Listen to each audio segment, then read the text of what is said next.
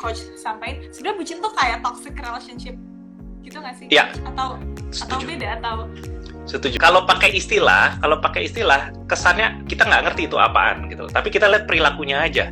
Jadi kalau kamu bilang apakah perilaku mau menang sendiri itu tidak sehat, jawabannya tidak sehat.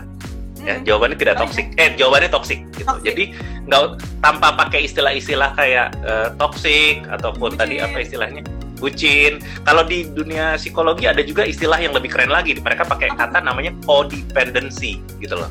Oh, itu istilah yang lebih dikenal di dunia akade- akademisnya codependency artinya bergantung sama pasangan Iya, iya, iya. codependent hubungan yang sehat itu hubungan yang interdependent tidak ada yang bergantung satu sama lain Gini ya, iya. Ya. iya seimbang sama gitu loh jadi kalau codependent itu kayak kayak orang tua sama anak anak kan bergantung sama orang tuanya itu codependent gitu loh. Itu tidak sehat.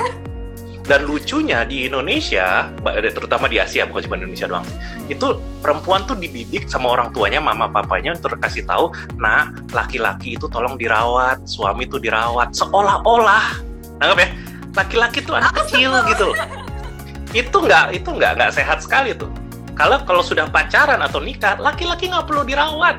Dia udah gede kalau kamu masih perlu ngerawat itu laki-laki berarti mama papanya gagal ya ya make sense dong kalau kita masih perlu ngerawat tuh laki-laki kita masih perlu ngelayanin tuh laki-laki dia tuh nggak perlu nggak perlu pasangan dia tuh perlu emak sama mbak bukan perlu Iya. pasangan Coach, kita satu pemikiran. Iya kan?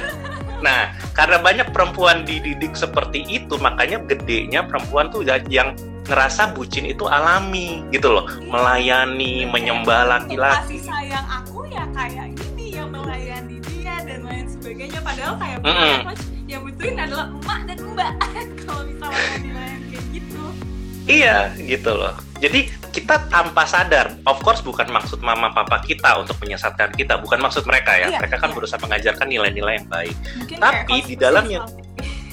Exactly, konstruksi. Saya suka pakai istilah kamu ya. Konstruksi masyarakatnya seperti itu gitu loh. Nah, konstruksi itu ada yang sehat, ada yang tidak sehat. Nggak bisa ditelan mentah-mentah. Makanya kalau misalnya, contoh, tadi kan perempuan ya. Laki-laki juga loh diajarin sama laki-laki yang lain. Contoh nih, laki-laki diajarin sama mama, sama papanya. Kalau mau deketin perempuan, udah traktir, harus traktir, harus bayarin. Gitu loh, ya.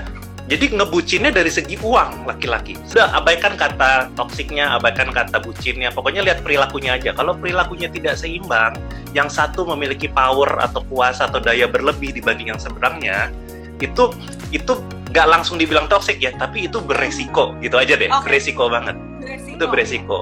Nah, jadi kalau misalnya ada resiko ya harus di- harus dikurangi resikonya. Jangan langsung diputusin atau dicerain, enggak. Coba kurangi resikonya dulu gitu.